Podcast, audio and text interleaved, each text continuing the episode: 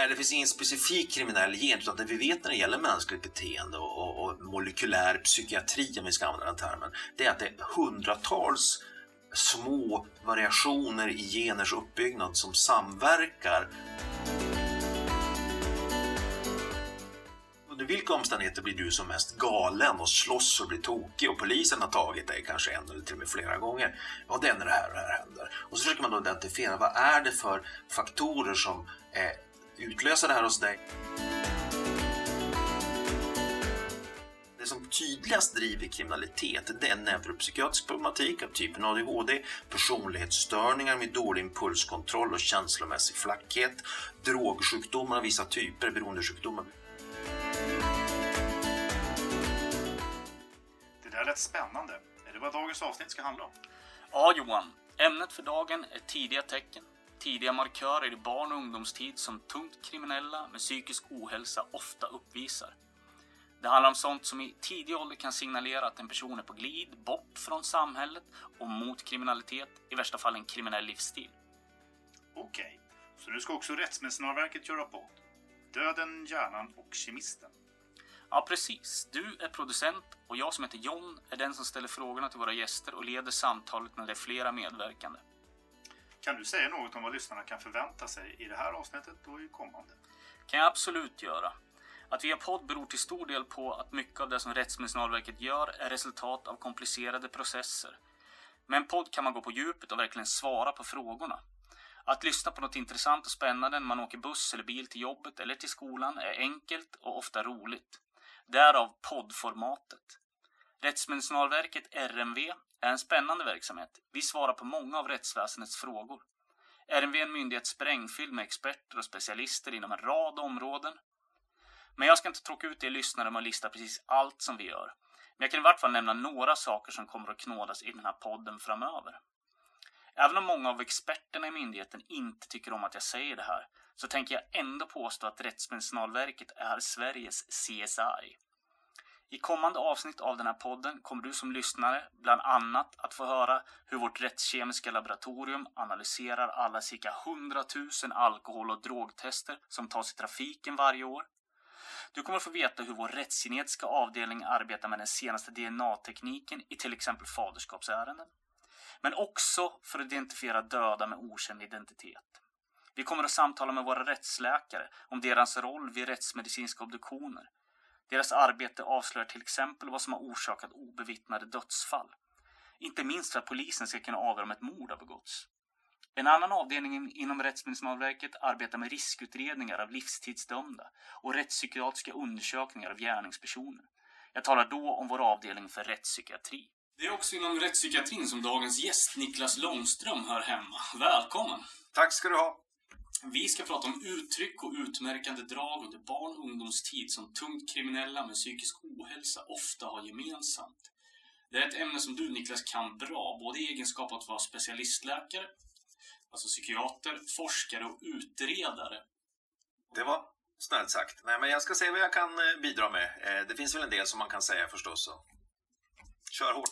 På Rättsmedicinalverket ar- ar- arbetar du som kvalificerad utredare. Vad har du för bakgrund som har lett till att du har den funktionen här? Ja, jag har alltså jobbat med forskning i många år kring just det här ämnet som handlar om vilka tidiga tecken man kan se som innebär riskfaktorer för att man ska hamna i allvarlig kriminalitet. Och förstås också en del kring vad man då kan göra för det är inte bara att sitta och titta på, på att det, saker och ting kan vara oroande utan faktiskt också försöka göra bästa möjliga insatser. Det är det ena och sen är jag ju då också är jag barn och ungdomspsykiater, alltså specialistläkare med inriktning på barn och ungdomars psykiska ohälsa och har jobbat med yngre personer inom typ Statens institutionsstyrelse då som ju är yngre än de som man träffar på inom rättspsykiatrin i normalfallet.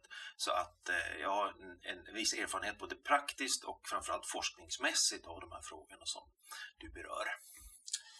Barn och ungdomspsykiater, alltså. Vad gör en sån? Ja, vi är ju i grunden då läkare som andra personer som går läkarutbildning men då är det i de flesta fall då specialistutbildningar på fem år ungefär beroende på vad man har för inriktning, om man blir allmänläkare eller kirurg eller eh, barn och ungdomspsykiater som jag då är. Och det man då gör det är ju att man eh, med så att säga, bakgrunden i den kliniska medicinen eh, och att man ju förstås alltid måste ta ställning till om det finns biologiska orsaker, alltså, ned, alltså till exempel olika typer av neurologiska sjukdomar som, som inte sällan kan ge svåra psykologiska och psykiatriska symptom också. Men det som man väl närmast tänker på det är ju det som närmar sig barnpsykologin eller alltså barns knepiga mående, lidande, ångest, eh, soma, psykosomatiska smärtor, eh, stökighet, eh, dålig impulskontroll, eh, Eh, självskadebeteende, ätstörningar, mycket sånt där som, som handlar om hur, hur, hur barn och unga kan må dåligt. Och det som är då speciellt är att det, man är också så mycket en del av sin familj när man är barn och ungdom. Så man jobbar ju inte bara, i de flesta fall, bara med ungdomen själv utan det är familjen som måste vara den där bärande strukturen som det kan ske förändring i. Kan familjen vara vänner och andra än de som är närmast så? Kanske en lärare? Absolut, precis som du säger. Man brukar, ju, man brukar alltid försöka identifiera ganska tidigt i förloppet vilka är de som är de mest engagerade personerna. Precis som du säger, det kan vara vårdnadshavare. Det är mycket det här med att motivera familjer, hitta tankesätt och arbetssätt som, eh, som känns tilltalande för dem samtidigt som man ju vill hålla på sina ska vi säga, käpphästar också och inte bara liksom backa och vara bara vara vänlig och inställsam om man säger så, utan det handlar ibland också om att säga vad man tror är det bästa faktiskt utifrån forskning och beprövad erfarenhet som är det som ska styra eh, verksamhet för oss som då är hälso och sjukvårdspersonal med legitimation i bagaget. Så att säga. Du, vi, vi ska som sagt prata om utmärkande drag under barn och ungdomstid som tungkriminella ofta också de med psykisk ohälsa har gemensamt. Mm. Vi ska diskutera orsaker bakom kriminellt beteende och livsstil. Vi ska försöka svara på hur man får en individ att komma på bättre tankar och hur man får någon att lämna destruktiv kriminalitet och kanske ägna sig åt någonting konstruktivt då. Förhopp mm. Förhoppningen då från samhällets sida och, och medmänniskor också kan man tänka. Ja. Ja, någonting som inte skadar samhällskollektivet då, som kriminalitet gör. Så om vi tar som exempel en vuxen person som är djupt involverad i kriminalitet. Så säger statistiken att det är till 90% ungefär är, det är en man då. Mm. När i livet inleder en kriminell person sin kriminella bana? Säger då vetenskapen. Ja, förlåt. Det här är ju intressant därför att väldigt tidigt i livet när man är nyfödd under de första levnadsåren då är man ju, det vet ju alla som har, har levt med små barn eller egna barn, att då är man ju väldigt impulsokontrollerad väldigt mycket i sin egen lilla bubbla och man vill ha saker och ting. Man tar det från sitt syskon eller man eh, sliter i någon förälder eller man har sönder någonting och man blir arg. Just för att det ingår i det, det, så att säga, den icke ännu socialiserade unga personens liv att, att inte ha lärt sig vad som är acceptabelt och inte. Så man brukar ha som en slags riktmärke att vid tre års ålder har de allra flesta barn eh, lärt sig att hantera de här impulserna. Att man blir förbannad och man, då vill man ha något tar man det. Man sliter ur händerna på, på eh, kompisen eller, eller eh, syskonet. Eh, och det där blir ju mer och mer problematiskt ju äldre man blir och man blir också mer medveten om att det är ett ganska dåligt sätt att få saker och ting att funka i alla fall på längre sikt. Va? Och omgivningen blir missnöjd och föräldrarna ser missnöjda ut och kanske skäller på en eller sätter sig ner och är bekymrad och det blir jättejobbigt och så vidare. Så att om man ser de första åren då är det då, då, är det svårt att skilja på, på barn som, som har, kanske kommer att få problem på längre sikt och, och, och de som så, säga, som så småningom lär sig väl att hantera och socialisera sig att fungera i samhället på ett bra sätt. När kan man börja skilja på de här? Ja, alltså e egentligen om man ska vara riktigt ärlig så kan man se vissa drag även innan den här treårsgränsen. Men jag, jag tycker det är viktigt ändå att betona att ett alltså, antisocialt beteende eh, som går ut in med att man bryter mot normer och överenskommelser, det har riktigt små barn helt, generellt så att säga. Men från då 3, 4, 5 när man börjar liksom vara i förskolemiljö, de flesta barn och, och så småningom sen när man börjar skolan också med nollan och uppåt, då är man har man hyfsat bra förutsättningar att vara någorlunda socialiserad även om man fortfarande är liten. Och då börjar man kunna märka när man kommer in i de där miljöerna där det börjar ställas lite mer krav. Att barn Eh, då kan så säga, ha kvar det där lilla barnets beteende i termer av att framförallt med dålig impulskontroll kan man säga att man, man fortsätter att ta det man vill ha och blir man kränkt så slår man andra barn och man kan ofta också se tecken på att man har svårighet att sitta still i klassrummet och koncentrera sig på det som de andra barnen gör och det som kanske ens lärare säger åt en att göra. Eh, och, och det här tror jag för många låter bekant om vi pratar om diagnoser, nämligen eh, ADHD då eller hyperaktivitetssyndrom med uppmärksamhetsstörning som diagnosen heter. Och det är en sån där riskfaktor eller riskomständighet som kan finnas hos barn.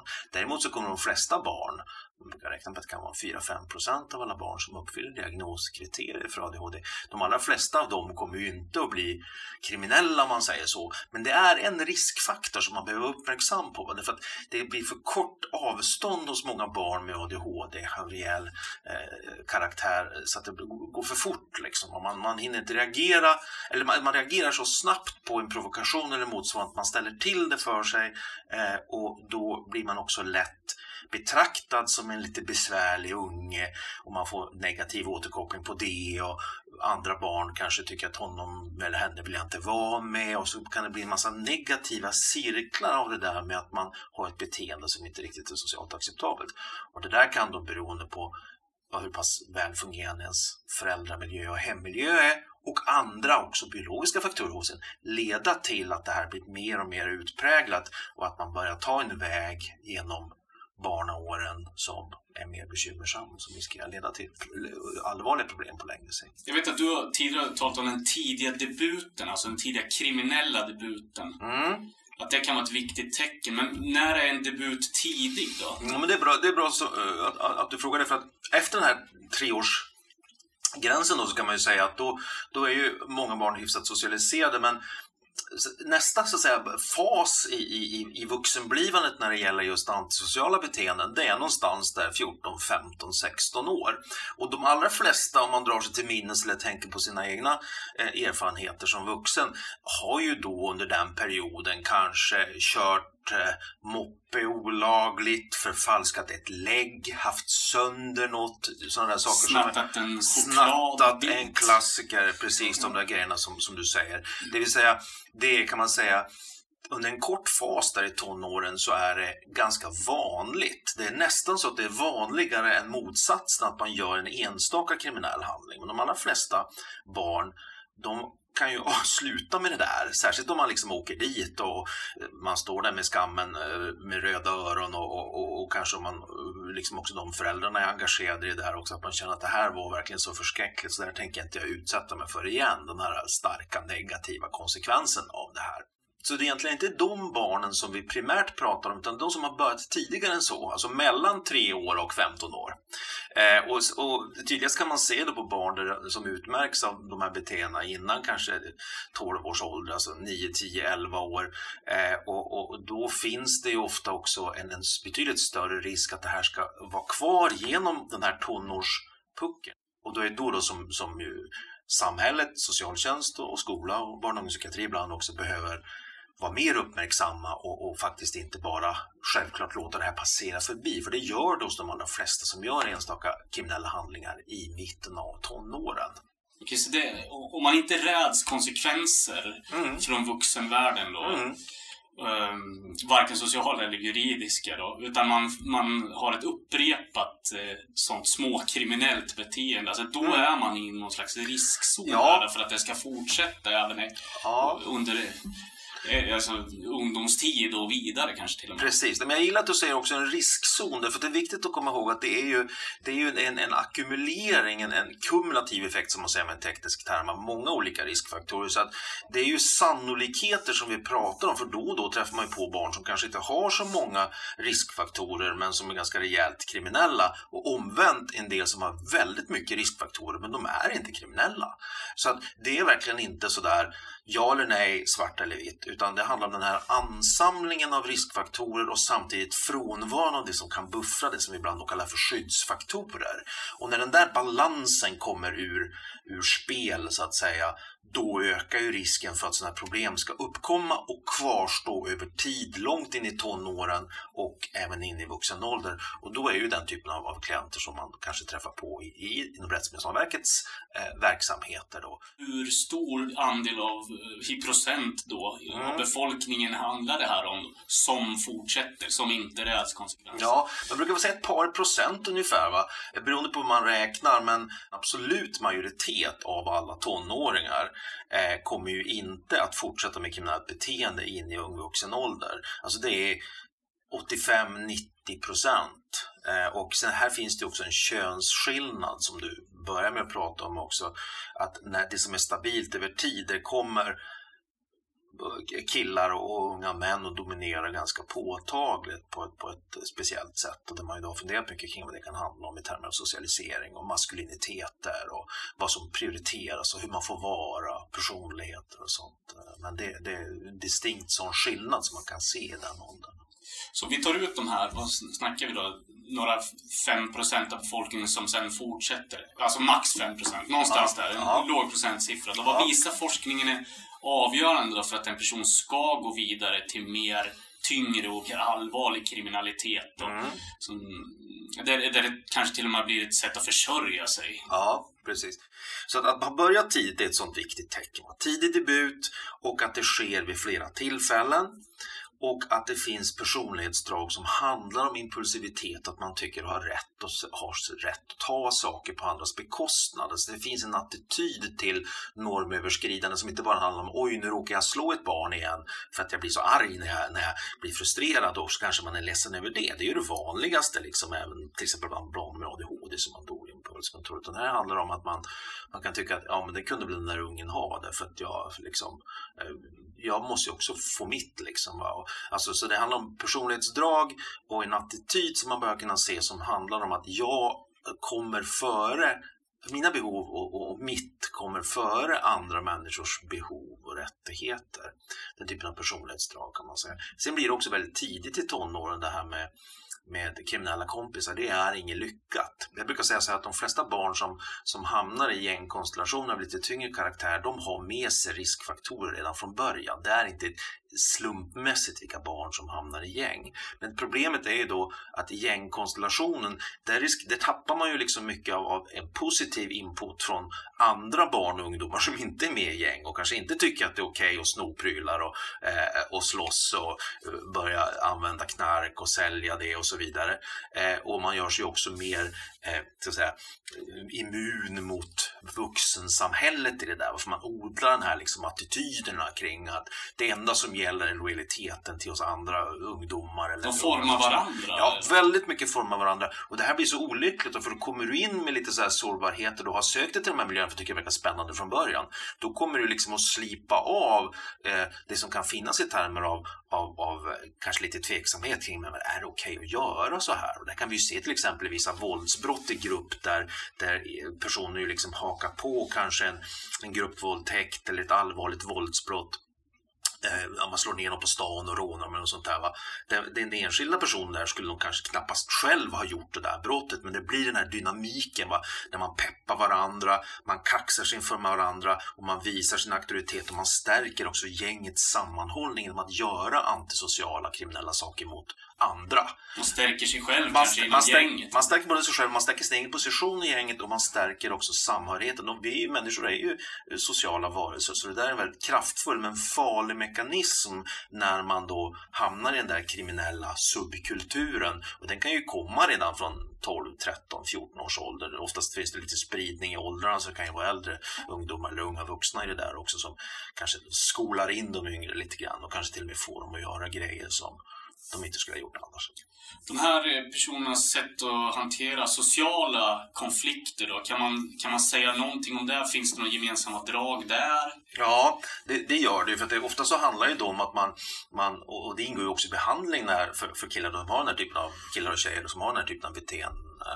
De behöver liksom träna sig på att, att, på ett mer, mindre destruktivt sätt lösa konflikter och inte bara liksom ta det de vill ha eller slå någon på käften eller hota någon till livet eller något sånt där. Utan faktiskt bli duktigare på att förhandla på ett schysst sätt. Liksom. Okej, okay, nu skulle jag vilja ha den där prylen som du har men jag inser att jag inte kan få den. Kan jag få låna den på ett schysst sätt? Eh, eller kan jag på andra sätt hantera vad är det som gör att jag tycker att jag kan göra på det här sättet? Alltså, och då, då ifrågasätta vad det är för drivkrafter som finns där. Så det handlar mycket om det som man kallar för färdighetsträning när man jobbar behandlingsmässigt med killar och, och en del tjejer också som har den typen av problematik. Att Eh, och då, och då, har man sådana typ situationer. Då. Under vilka omständigheter blir du som mest galen och slåss och blir tokig och polisen har tagit dig kanske en eller till och med flera gånger? Ja, det är när det här och det här händer. Och så försöker man då identifiera vad är det för faktorer som eh, utlösa det här hos dig och som då verkar vara det som har hållit kvar det där beteendet över tid. Hur, vad som triggar igång det och, och, och håller kvar över tid. Vad är det då vad vi kan, då, som en slags fallformulering säger man då, man då försöker se hur man kan jobba med att stärka upp de här motkrafterna mot den här kanske lättväckta aggressiviteten eller dåliga impulskontrollen. Så att man har utrymme på ett antal sekunder och tänka på ett annat sätt att lösa problemet. Vad mer kan hålla tillbaka, eller kanske till och med i värsta fall bidra då, till ett eh, dåligt kriminellt beteende? Alltså vad kan hålla tillbaka, vad kan bidra ja. till att det blir värre? Eller ja, just det. Förutom de här sakerna på individnivå då, alltså med dålig förmåga till social problemlösning, med dålig impulskontroll, drogsugen klassiker, det kan komma ganska tidigt, det kan vara både alkohol och andra droger förstås. Va? Man liksom, och det här vet vi ju att det finns ganska distinkta grundläggande komponenter som är biologiska eller genetiska, det vill säga man ärver en sårbarhet för att men sen, få en särskild liksom kick av att dricka alkohol tidigt och må extra bra av det och få svårare att sluta än andra ungdomar som kanske också har provat tidigt men som sen inser att det här var inget bra. Särskilt inte om jag överdoserar liksom, alkohol framförallt. Då. Eh, så, så de, här, de här dimensionerna som har med, med den genetiska och biologiska sårbarheten men sen, och, och sen nätverket pratar vi om de som kriminella kamraterna. Det vill säga kan man så att säga, bryta upp det där och, och förändra kamratkretsen och det är ju ibland lättare sagt än gjort för det kan ju vara så himla viktigt för de här barnen.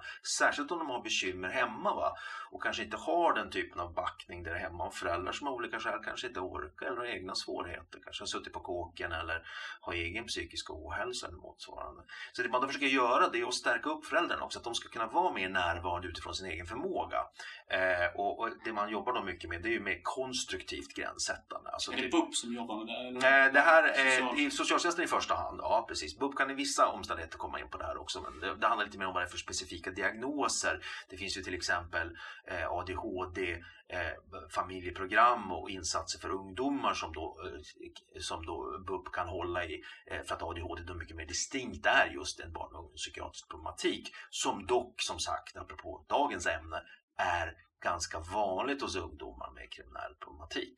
Så det blir tydligare vad som tillhör BUP och vad som är, är socialtjänsten. Och BUP skolan. kanske ska säga vad, varför vi säger BUP? Är det förkortning för? Ja, det är ju förstås förkortning för barn och ungdomspsykiatrin. Det blir smidigt att säga så eftersom det är så många stavelser i barn och ungdomspsykiatrin. Precis.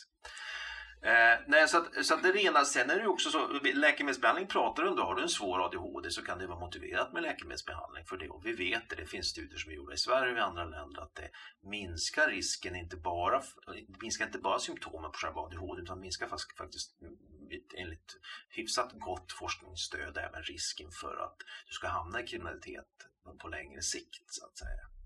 Eh, och sen eh, nätverket, eh, läkemedelsbehandling, insatser för att stötta föräldrarna.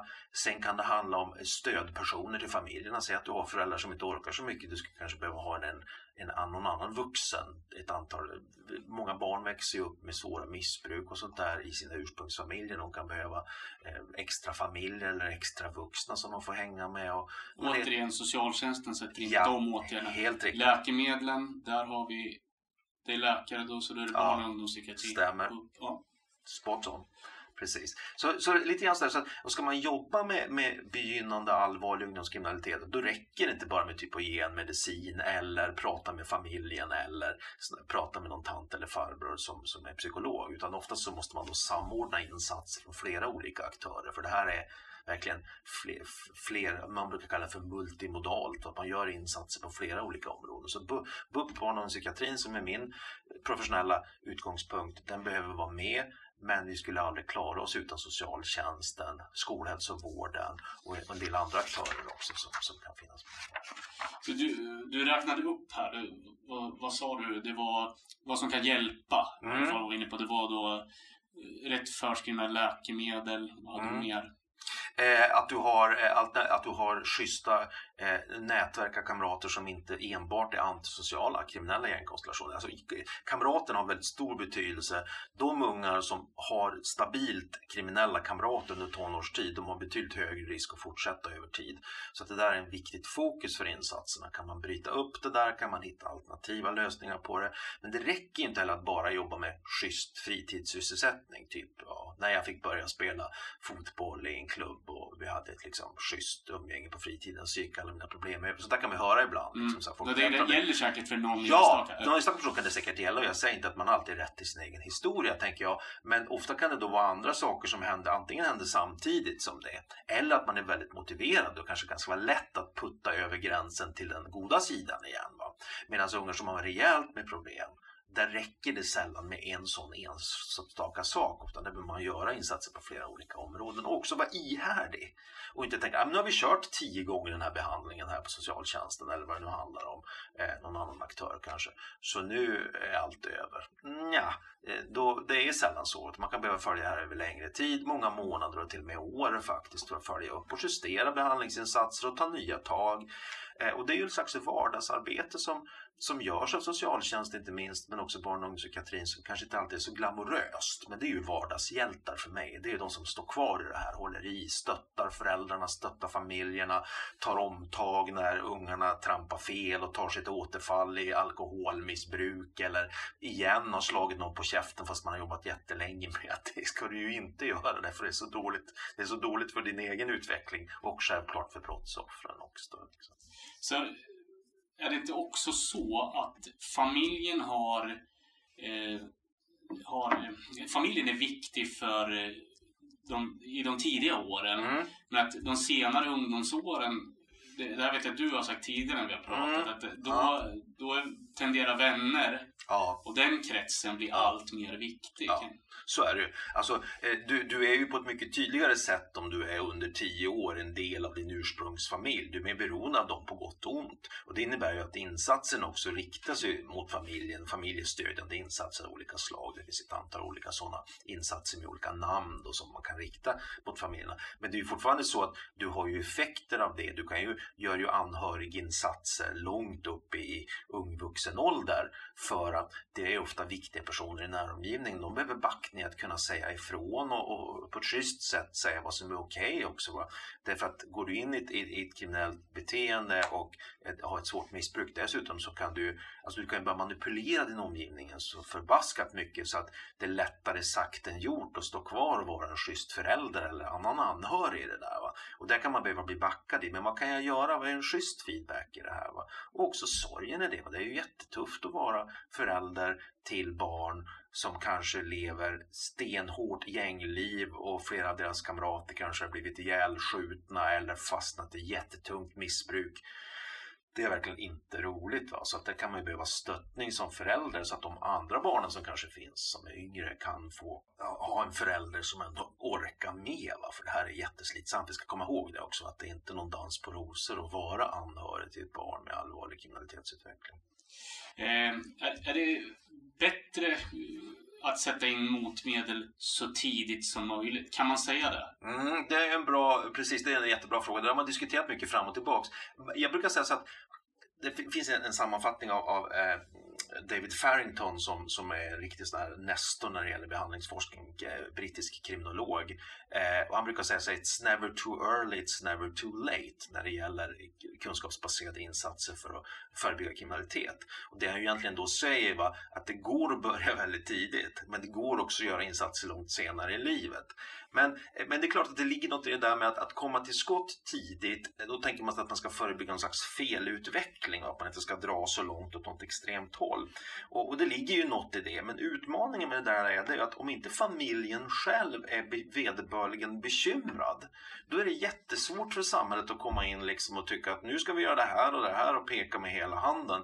Så att det är en matchning mellan att man kan tycka att ja, men nu kanske det är ett barn då, som går i, i, i de sista liksom förskoleklassen och är på väg in i, i lågstadiet och nollan och ettan och så vidare. Då kan man tycka liksom att det, ja men det här är verkligen bekymmersamt, liksom. här behöver vi komma till skott, vad kan vi göra då? Och att då hitta en, en, en, en motiv, alltså motivationen hos familjen i första hand eftersom de barnen är så små så det liksom, man kan inte förvänta sig att de ska ta ställning till att för, förhindra att de blir kriminella på lång sikt. Man kan fortfarande formulera behandlingsmål och sånt men det viktigaste är i alla fall då att man har med sig familjen och då kan det vara en utmaning just det där, men vi tycker inte det är något bekymmer än.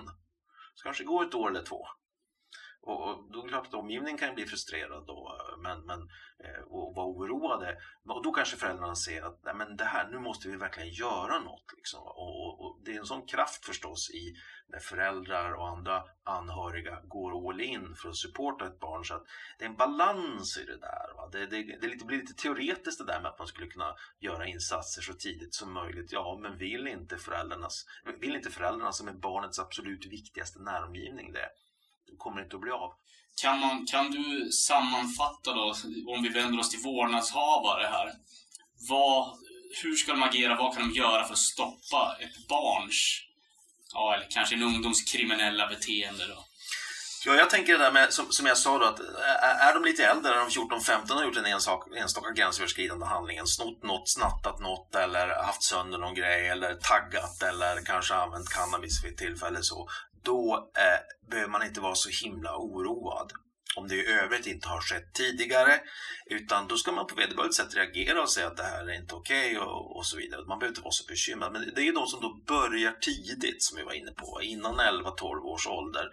Eh, där det finns ofta neuropsykiatri, kanske ADHD, andra svårigheter, anpassningar i skolan och så vidare. Och då, då ska man nog tänka eh, så att säga, samverkande. Att även om man, alla föräldrar brukar tänka vill skydda eh, sitt barn och, och, och skapa de, de, allra bästa förutsättningarna. Det, det, är det absolut vanligaste. Inte alla ska jag säga, men de allra flesta vill göra det.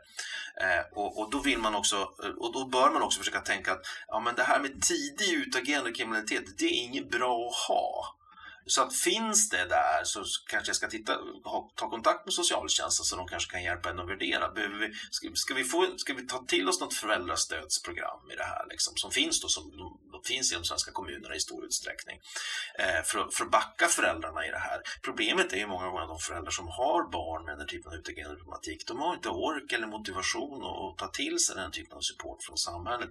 Men i den mån som man skulle få man kan få önska något om man säger så, så skulle det ju vara att, att man från omgivningens sida, andra professionella men också näromgivning, kan handla om andra vuxna eller grannskap eller vad som helst, kan se att det här är bekymmersamt. Kan man hitta ett, ett, ett så att säga, omsorgs, omsorgligt sätt att kommunicera till den här familjen att det här, det här blir ju inget bra, hur ska vi göra för att inte ditt barn eller dina barn ska, ska liksom vara kvar i det här och, och, och bli liksom, få negativt eh, negativt rykte och kanske välja eh, negativa kompisar som riskerar ställa till det för dem. Jag får citera dig, för det här har du sagt till mig tidigare. Det var så här, till, om man tänker sig ur vårdnadshavarperspektiv, så var närvarande, sätt gränser och var mottaglig för barnets behov. Ja, jag tycker det lät bra. Har jag ja, sagt det? det har du sagt. Okej, okay, det skriver jag under på. Ja, ja precis. Uh, ja, men du, sen har vi den här eviga frågan som ofta slarvas över i debatten då. Arv eller miljö, vad är mest avgörande? Mm. Vad säger forskningen? Ja. Forskningen, säger ju, forskningen gillar ju att, att, beskriva verkligheten så komplex som den är. Det är ju det, är ju det den utmärks av. Och jag brukar påminna om det här med att när det gäller mänskliga beteenden så finns det så pass mycket forskning idag som är tydlig med att ungefär någonstans mellan 30 och 50 procent av nästan alla mänskliga beteenden, det kan handla om missbruk eller ångesttillstånd eller kriminalitet, 30 till 50 procent av alltså 100 möjliga kan förklaras av genetik, alltså ärftliga sårbarhetsfaktorer. Och det gäller också kriminalitet kan man säga. Och det betyder ju inte att du ärver någon slags kriminell gen. Eller alltså kriminaliteten i sig är ju sammansatt av en massa individuella sårbarheter. Det handlar om impulskontroll och social förmåga och förmåga att ta till sig input från omgivningen och vad som helst. Det finns ingen kriminell mutation? Nej, det finns ingen specifik kriminell gen. Utan det vi vet när det gäller mänskligt beteende och, och, och molekylär psykiatri, om vi ska använda den termen, det är att det är hundratals små variationer i geners uppbyggnad som samverkar och har du då många sådana olyckliga variationer då kan du bli få väldigt dålig impulskontroll, väldigt flack i ditt sinne, ha svårt att ta till dig positiva eh, liksom modeller eller korrigerande upplevelser och, bli, och få mycket större svårigheter på sikt att eh, vända tillbaka en utveckling som är på väg åt fel håll. Men sen ska vi också komma ihåg att även om någonting är genetiskt betingat så betyder ju det inte att man inte skulle kunna göra någonting åt det med hjälp av miljöinsatser. Det, det är faktiskt, som så det du säger då, alltså om det är 30-40% det är att det är ingen idé att göra någonting. Nej, det är fel slutsats kan man säga. Va? Utan det som det handlar om att de allra flesta insatser som vi gör för olika typer av genetiska sårbarheter det är ju insatser i miljön. Och det är absolut så att det går att göra saker med miljön. Insatserna måste fokusera på sånt som driver kriminalitet, alltså dålig impulskontroll, dålig social problemlösningsförmåga, eh, drogsug, lättväckt aggressivitet, känslomässig labilitet, att man svart, fort som fan blir antingen svart i ögonen och ska slåss eller jättekär eller hög på något som man upplevde. Alltså den där labiliteten är, är problematisk och den ser vi mycket eh, över tid hos personer med svår kriminell problematik. Så att, att jobba med de sårbarhetsfaktorerna och stärka skyddsfaktorer och försöka ta ner de där riskfaktorerna så mycket det går med insatser, psykologiska insatser men också i förekommande fall med medicin och läkemedel på rätt indikationer. Det är det vi kan göra. Men som sagt, insatser, there's, there's no, no such thing as a quick fix kan man säga för lite tyngre kriminalitet. Man måste göra insatser på flera nivåer. Inga snabba lösningar. Tyvärr. Du ehm, går väl med på psykiatri eh, som direkt vetenskap här. Hur vanligt är det att tungt kriminella lider av psykisk ohälsa? Ja, men det där är också en sån här bra fråga som man har att göra med när man jobbar med rättspsykiatri inte minst, som vi gör i Rättsmedicinalverket. Och då, då, då är det så att psykisk ohälsa in, med en vid definition, alltså att man uppfyller en eller flera kriterier för en eller flera psykiatriska diagnoser enligt till exempel DSM-5. Det är väldigt vanligt. Det är absolut? Det är en absolut majoritet. Jag skulle säga att det är 70-80 procent. Det beror lite grann på vad du är för miljö också. Men när du till exempel på en, en riksanstalt, alltså folk som är inom kriminalvården och, och har, sitter på anstalten lite högre säkerhetsklass. Där är det ju många tiotals procent som har alkohol eller drogberoende som har personlighetsstörningar av typ antisocial personlighetsstörning eller borderline personlighetssyndrom. Det är lite olika vad man, hur man, vilken terminologi man använder. Neuropsykiatri av typen ADHD, 25-30 procent. Väldigt mycket vanligare än i normalbefolkningen. Ångesttillstånd, depression. Eh, så på olika sätt de här tillstånden som jag nämner, viss neuropsykiatri, eh, som typ ADHD, eh, missbrukssjukdomar eller beroendesjukdomar och personlighetsstörningar. Det förekommer hos 70-80 procent. Men däremot är det den här frågan då de här sammanhangen, men det här med allvarlig psykisk störning som alla pratar om hela tiden. Liksom. Så då kan det stå så ja men Rättsmedicinalverkets utredare kom fram till att den här väldigt kan folk tycka då störda förövaren som tog livet av sin familj eller något sånt där. Han hade inte en allvarlig psykisk störning och så tittar folk på varandra och så knackar de sig i huvudet och säger vad är det för fel på utredarna inom Rättsmedicinalverket? Men det man då ska komma ihåg det är att allvarlig psykisk störning det är alltså en juridisk definition och det betyder att du ska ha en sån rejäl psykisk störning av typen psykos, typen en, en kortvarig psykos, en, en, en eh, bipolär psykossjukdom eller en schizofrenisjukdom som innebär att du har en allvarligt störd verklighetsuppfattning. Och, och, det är en ganska liten andel av alla kriminella som har det.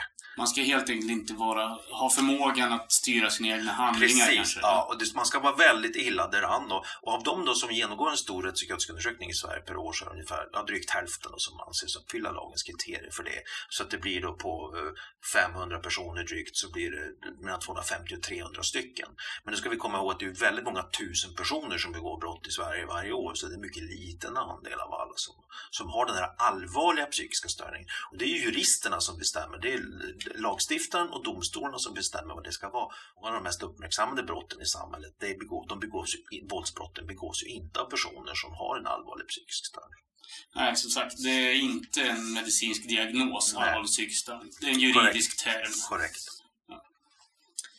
Okej, du, vad visar då statistiken kring dämpande effekter på kriminellt beteende? Om man tittar på de som har psykisk ohälsa som får behandling jämfört med de som har psykisk ohälsa som inte får behandling eller inte får rätt behandling. Mm. Mm. Det beror ju då på vad det är för psykiatriska tillstånd. Eh, för att det är ju då vissa psykiatriska tillstånd som är vanligare förekommande också, som också och även om någonting då är vanligt förekommande så behöver det inte vara det som har orsakat kriminaliteten. Och det man brukar kunna säga lite grann är att ångestsjukdomar och depression är förstås vanligt också hos personer som begår allvarliga brott. Men det är oftast inte det som driver kriminaliteten utan det kan finnas där ändå som en slags samsjuklighet. Utan det som tydligast driver kriminalitet det är neuropsykiatrisk problematik problematik av typen ADHD, personlighetsstörningar med dålig impulskontroll och känslomässig flackhet, drogsjukdomar, av vissa typer beroendesjukdomar. Vi vet att det är vissa droger som ökar risken för att man ska begå till exempel våldsbrott tydligare, till exempel alkoholberoende. Det är ju vår stora liksom, folkdrog som får många att tippa över gränsen om de har andra riskfaktorer. Och så uppåttjack, kokain eh, eh, och motsvarande Amfetamin i höga doser eh, ger också kickeffekter. Man brukar säga också höga doser av bensodiazepiner, riktigt höga doser. Eh, Vad är bensodiazepin? Bensodiazepiner är alltså sömngivande eller lugnande eh, läkemedel som man kan ta för att sova på. Och tar man det i rätt dos så får man liksom inga våldsutlösande effekter av det, snarare tvärtom. Man blir lugn och vill sova eller vila. Liksom. Eh, Medan då andra droger som till exempel cannabis och eh, opiater, då, morfin och heroin, de är i sig inte vålds eller kriminalitetsdrivande. Men indirekt kan det ju förstås vara det om vi pratar om drogmarknader och försäljning och en hel del av gängkriminaliteten under de senaste åren som har varit så dödlig har ju handlat om narkotikamarknader. Men då blir det som en slags indirekt effekt av läkemedlen. Eh, eller förlåt, en indirekt effekt av, av, av betydelsen av de drogerna för kriminaliteten helt enkelt. Men om man återvänder till vad är det då man kan behandla? Ja, beroendesjukdomar kan man behandla. Eh, eh till exempel alkoholberoende och motsvarande. Och då, då finns det både så att säga, psykologiska program som jobbar med suget, hur man tänker, hur man hanterar hela tiden att man har en, oftast en kronisk beroendesjukdom, inte alla men många. Eh, och sen finns det vissa då drogsugsminskande läkemedel som man kan, som jag jag var med i studier där vi har kunnat visa att det har också effekter på kriminalitet hos människor som har varit i kriminalvård till exempel. Och de har gjort, studier, de har gjort studier där vi har jämfört mm, inom individerna så att säga, när en person som har en kriminell problematik och, och lämnar en, en kriminalvårdsanstalt, när den personen då eh, tar läkemedlet tar ut det från apoteket, då har den en lägre risk att begå våldsbrott under de perioderna än när den inte tar ut läkemedlet. Det finns sån lä sådana läkemedel? Ja, det finns. Det finns så vi har gjort sådana läkemedel. Antiadhd-medicin, eh, anti, eh, antidrogberoende mediciner eh, och även mediciner som är känslolägesstabiliserande hos de som till exempel har en bipolär sjukdom eller lättväckt aggressivitet. Där vet vi också att det kan man få en, en eh, helt enkelt en våldsbrottsminskande eller generellt faktiskt kriminalitetsminskande effekt under de perioder som personerna tar läkemedel. Jag förstår att du pratar om alltså, evidens här, vad som är bevisat fungerande. Absolut. Och då har du bara räknat upp läkemedel här. Hur är det med behandlingsmetoder? Ja, ja men det är ju en jättebra fråga. Eh, därför att då är det så att ja, vi vet då generellt sett när det gäller kriminalitet då vet vi att väl genomförda eh, psykologiska behandlingar av typen eh, KBT-program för alltså kognitiv beteendeterapi eh, som är inriktat specifikt på eh, lättväckt aggressivitet, eh, tankesätt som support att jag ska ta det jag vill ha för annars tar någon annan jävel det före mig. Eh, sådana program som till exempel kriminalvården i Sverige och en hel del andra länder också kör, det har en, en säkerställd positiv eh, återfallsminskande effekt. Eh, men sen är det så att det där gäller inte över hela fältet för vissa typer av kriminalitet, eh, all kriminalitet drivs inte av samma riskfaktor utan det är liksom olika relativa komponenter i det där. Och tyvärr så har det varit så under många år att vi har haft sämre forskningsstöd för eh, psykologisk behandling, alltså terapibehandling av personer som har begått sexualbrott eller våld i nära relation. Alltså typ partnervåld om man säger så. Och det där är jättefrustrerande för att det drabbar ju liksom på ett sånt himla fult sätt de mest utsatta. Liksom. Och det har haft att göra, tror vi, med att det är delvis andra drivkrafter i den typen av brott. Många av de allmänna eh, brotten, våldskriminalitet och generell kriminalitet, de drivs av de faktorer som vi har pratat om idag. Eh, dålig impulskontroll, taskiga attityder, kriminella kompisar och så vidare. Och det kan man, det kan man så att säga ty få tydliga positiva effekter på, att man kan göra helt enkelt bättre val eh, i sitt liv så att man kan välja bort en del av de sakerna eh, och också göra val när man är frustrerad eller vill ha något som inte innebär att man varje gång skadar någon annan. Det finns alltså program som tränar en i att göra bättre val Absolut. som är, har bevisat viss effekt. Du får ju bättre effekter eh, i de allra flesta fall om du både tar en läkemedelsbehandling för att, för att hantera drogsug eller dålig impulskontroll men också jobba med dina attityder och sånt. Det finns inga mediciner som påverkar en kriminell livsstil om man säger så, som får dig att helt plötsligt tänka bara goda tankar och bli den goda människan. Liksom. Eh, sen början av 00-talet, man har pratat med What Works-rörelse inom kriminalvården internationellt, så ungefär under två decennier ungefär så har man eh, då inriktat sig på, men vad skulle kunna ha effekt? Utvecklat program och då utmönstras vissa program som inte fungerar. Jag jobbar inom kriminalvården några år med, just FoU-frågor, forskning och utvecklingsfrågor och då var jag med om att program som kriminalvården då hade haft och som man hade importerat och som hade lovande grundresultat, de höll inte måttet i Sverige. Man fick helt enkelt eh, fasa ut dem. Varför? Ja, de, sannolikt för att de inte ber... Det kan ha varit så att det fanns alltså kanske försvaga stöd, för svagt stöd för att de skulle kunna funka. De kanske också var utvecklade delvis för en annan grupp av kriminella. Det krävs mycket mer av kvalitetssäkring idag för att forskningen har ändå fört oss så pass långt, och det tycker jag är positivt, att vi vet mycket mer om vad som inte fungerar idag. Och det ökar ju chansen att vi ska åtminstone välja något som, som, som kan vara in, försiktigt lovande och gå åt rätt håll så att säga. Man har fått utmönstra en hel del grejer som historiskt sett har känts väldigt bra. Som det här känns väldigt bra den här insatsen. En klassiker då det är det som kallas för scared straight eller att skrämma folk till insikt. Alltså typ att träffa gamla kriminella. Och, och idén är ju då att man ska helt enkelt form och fatta att det här är skitfarligt det som ni håller på med. Men det här har, det är jättetydligt, det här är alltså en svag negativ effekt. Det ökar något risken för att man ska begå våldsbrott. Så det är snarare så att man då exponerar personen med kanske ganska, ganska låg risk för att fortsätta begå brott för kompisar som nya kompisar. Eh, och framförallt om då, om då själva insatsen inte i sig har någon effekt, då är det sannolikt det som bidrar till den negativa effekten. Det vill säga, man kanske möjligtvis, om man ska vara lite positiv, så kanske inte själva visa bilder på misshandelsoffer och att lyssna på de som berättar om det hårda livet som den haft som kriminell i sig har en negativ effekt. Men själva idén om att föra samman människor eh, med lite varierande riskprofiler blir då farlig det här. Det blir alltså en motsatt effekt. Så det gäller att tänka till, för man i välvilja att vilja åstadkomma effekter så kan man ställa till motsatta effekter och det här är sånt som ju färgar mycket hur vi tänker kring behandling av, av kriminella ungdomar både inom till exempel Statens institutionsstyrelse, då SIS eh, och kriminalvården numera. Att vi, vi är väldigt mycket mer medvetna. Många av de saker som man gör med kriminella som fungerar är ju lite kontraintuitiva för det handlar om det där med att respektera individen. Även om du har gjort extremt allvarliga våldsbrott så får du ingen behandlingseffekt av att säga till vederbörande att du är en idiot och du borde brinna i helvetet. Nu ska, och, nu ska jag försöka få dig att förändra ditt liv. Det är en dålig start kan jag säga. Den personen kommer inte att förändras i positiv bemärkelse. Så det svåra är då det är att ha ett tydligt gränssättande mot handlingarna. Det här får fan inte hända igen för det är så himla allvarligt. Men jag respekterar dig och den här, det här kan vara provocerande för vissa personer är väldigt där uppe i sin egen värld. De tycker synd om sig själva och de har minsann blivit ditsatta och det är brottsoffrens fel och allting liksom. Men det det där då står kvar i det att nej men det här är inte okej okay, det som har hänt. Hur ska vi göra så att du har både blir motiverad till att pröva nya strategier och också får bättre verktyg för att kunna funka på ett mindre destruktivt sätt i framtiden. Och, och, för mig är det de som jobbar med det här, då, inte minst inom kriminalvården och, och SIS, Statens institutionsstyrelse, är ju vardagshjältar tycker jag. Alltså, som står ut med det här dag ut och dag in och, och står kvar i det här och samtidigt påverka. Och det är inte så glamoröst, men det är ju det som kan få effekter mycket mer än de här enkla, lättfångade eh, liksom, effekterna av inlåsning under en längre tid eller tuffare påföljder och sånt där som ju oftast generellt sett när människor är rädda för brott leder till att man, då föreslår man det. Det är det här som gäller. Liksom. Det var precis det som jag tänkte komma in på. Ha, Vi har pratat om, om vad man kan göra för att hjälpa de här individerna.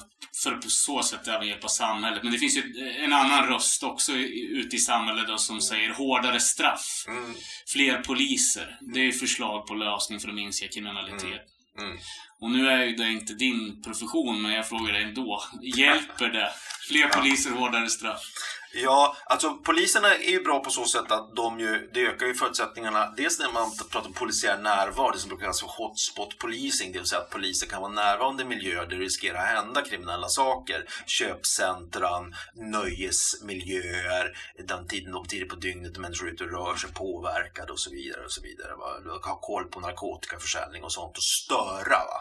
Där, där är det helt klart att poliser behövs. Så att säga. Men sen generellt sett så är inte många poliser inte brottsförebyggande på det det sättet. Det är inte så att den som är på väg in i kriminalitet plötsligt slutar bara för att det är fler poliser i kvarteret. Däremot så vet man att det finns vissa sådana här skjuta, alltså som hotspot-polis då kallas för att man, man kan få ner en del. Va? Det blir spökigare att vara kriminell och det är lite bra. Men det övriga då i termer av att förebygga på individnivå de här sårbarhetsfaktorerna som finns hos människor, där är det inte alls lika självklart att poliser har en positiv effekt på det sättet.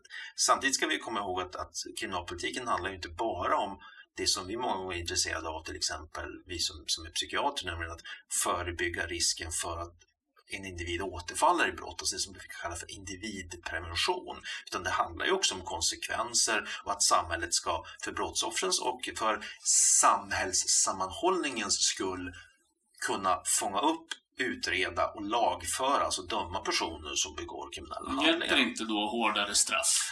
Nej, Ur de, den synvinkeln. ja, men precis. Och det, det knepiga då det är att hårdare straff, man brukar säga att det finns några, några olika effekter av straff. Den ena de som man brukar anföra då ibland att det är bra med det som kallas för inkapacitering. Det vill säga en person som är inlåst på kåken ett halvt år eller ett år eller två år, den kommer ju ha svårare att begå brott just under den tiden som den sitter i fängelse förstås. Det är ganska rimligt. Men förr eller senare så kommer kommer folk ut.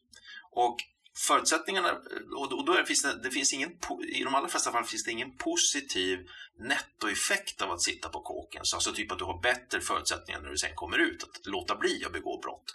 Om inte vistelsen på kåken har inneburit att du har haft möjlighet att jobba med de här riskfaktorerna, vi pratar behandlingsprogram, kanske man identifierat en ADHD som inte var upptäckt sedan tidigare, du börjar pröva läkemedel för det visar sig att du blir mindre crazy och mindre lätt aggressiv och kanske inte slår folk på käften på samma sätt. Då kan ju de insatserna så att säga ha, ha, man kan ha kommit till skott med att ta reda på de här sakerna och jobba med dem den här tiden. Men som sagt, kan man göra något vettigt av tiden på, i anstalterna med bra program, då kan man tänka sig att det kan fungera. Tack Niklas Landström. Tack för att vi fick komma hit, John.